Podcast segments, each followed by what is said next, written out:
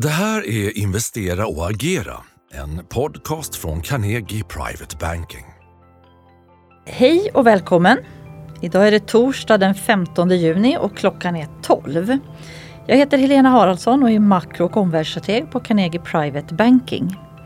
I dagens avsnitt av Investera och agera så har vi fokus på Feds räntemöte som ägde rum igår kväll och de signaler vi fick för räntemiljön framåt.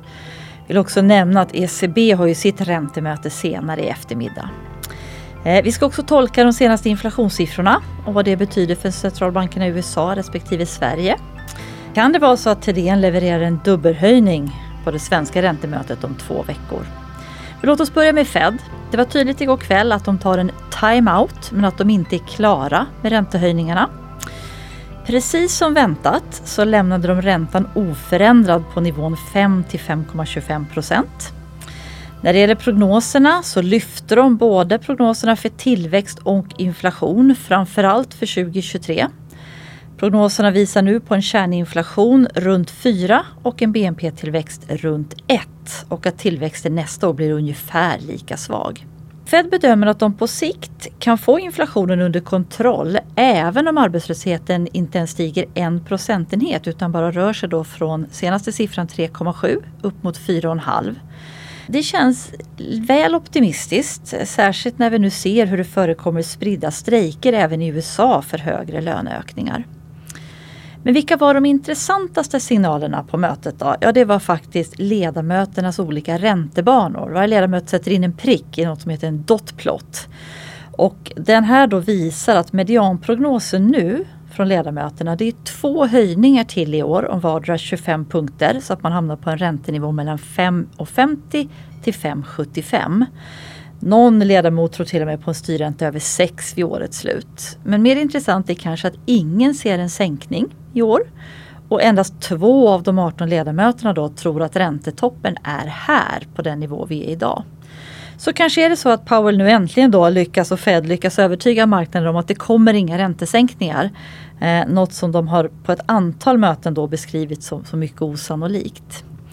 Eh, sen har vi alltid presskonferensen som kan avslöja lite roliga saker. Och jag lyssnade på hela men eh, den vanligaste frågan var väl varför inte höja redan nu om de ändå avser att agera igen? Och där kan ju olika faktorer ha spelat in som bankoro, skuldtaksoro och kanske också att en, en ny sån här vicepresident nyligen signalerade då, då att det blir time-out eller skip som var det ord man använde just på det här räntemötet.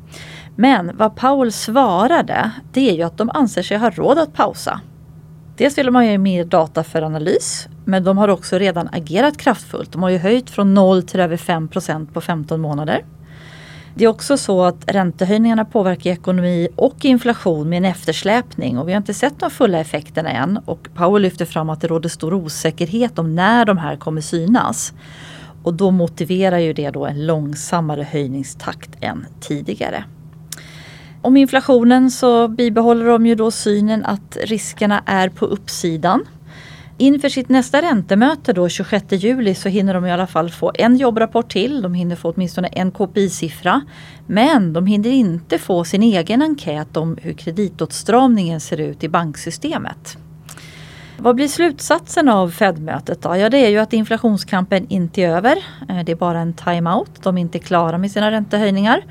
Eh, och den signalen fick vi här veckan faktiskt då från både Australien och Kanada som agerade lite likadant fast de höjde då efter en paus.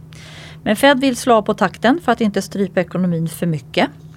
Eh, intressant att notera här är ju då att marknaden tror bara man får uttrycka sig så att det är 70% sannolikhet för en höjning till. Marknaden tror inte på två höjningar i år.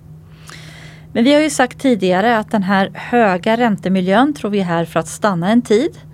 Eh, det betyder att det finns en fortsatt risk konjunkturmässigt för framförallt kanske räntekänsliga bolag och hushåll. Det här kan också innebära en motvind för börsen att Fed inte är klara. Ränteplaceringar är ju nu ett mer konkurrerande alternativ till aktier än vad det var tidigare.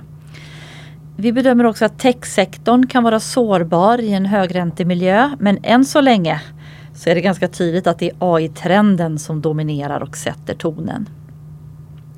Sen utlovade jag en analys av färska inflationssiffror eh, och huvudslutsatsen då innan vi går in på detaljer för USA och svenska inflationssiffror är att den är seglivad. Eh, den amerikanska kärninflationen visade i veckan att den trendar alltjämt kring 5 och det är hur man än vrider och vänder på de här siffrorna. Och 5% är ju då en bra bit över målet på 2% inflation. Eh, ser vi det här grafiskt så har ju liksom nedgången i det här underliggande inflationstrycket kommit av sig. Stannat upp helt enkelt. Kärninflationens ökning på månaden var 0,4 eh, och senast den var lägre än så, det är faktiskt ett halvår sedan. Och Fed de vill ju gärna se halva den takten, alltså att den ska närma sig 0,2 i månadsvisa prisökningar. Arbetsmarknaden är ju också het, om är något mindre het och löneökningarna taktar ju runt 5 och här vill ju Fed gärna se dem runt 3 då för att de ska vara förenliga med inflationsmålet på 2. Sverige, ja vad säger man där? Himmel, pannkaka. Nu finns det risk för en dubbelhöjning igen. I veckan så såg vi att kärninflationen föll mindre än väntat. Eh, årstakten är kvar på över 8 och tar vi bort då både ränteeffekter, alltså bolån, bolåneräntor och energipriser, då är ändå prisökningarna 0,7 under maj. Och det var ju då inkluderat fallande matpriser på månaden. Utan det som lyfter inflationen det är hotell, det är restauranger, det är resor, det är upplevelser och det är konsumtion av tjänster och tjänstepriser som lyfter inflationen. Lite kuriosa då i sammanhanget kan ju vara kul att nämna att det talas om Beyoncé-effekten på svensk inflation. Där då dyrare hotellnätter då hon inledde sin världsturné i Sverige har påverkat. Det nämndes på första sidan i den utländska tidskriften Financial Times och man spelade en Beyoncé-låt på deras morgonpodd. Det här är en udda värld. Men vad vi skulle vilja lyfta fram är ju att den här effekten då, även om man tar bort den, så var ju den månadsvisa prisuppgångarna exklusive energi ändå hela 0,5. Och det är ju klart över det normala då på 0,2.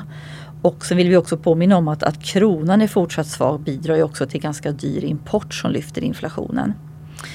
När det gäller Riksbanken så ska man väl ändå notera då utöver inflationssiffrorna att de har färre möten per år än Fed och ECB. Vilket ju då skulle kunna tala för att Thedéen kan behöva höja med hela 50 punkter, det man ibland så populärt kallar för en dubbelhöjning för att få bukt med inflationen.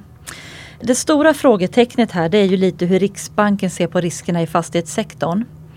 Eh, och det vet vi inte, de har inte kommenterat detta alls.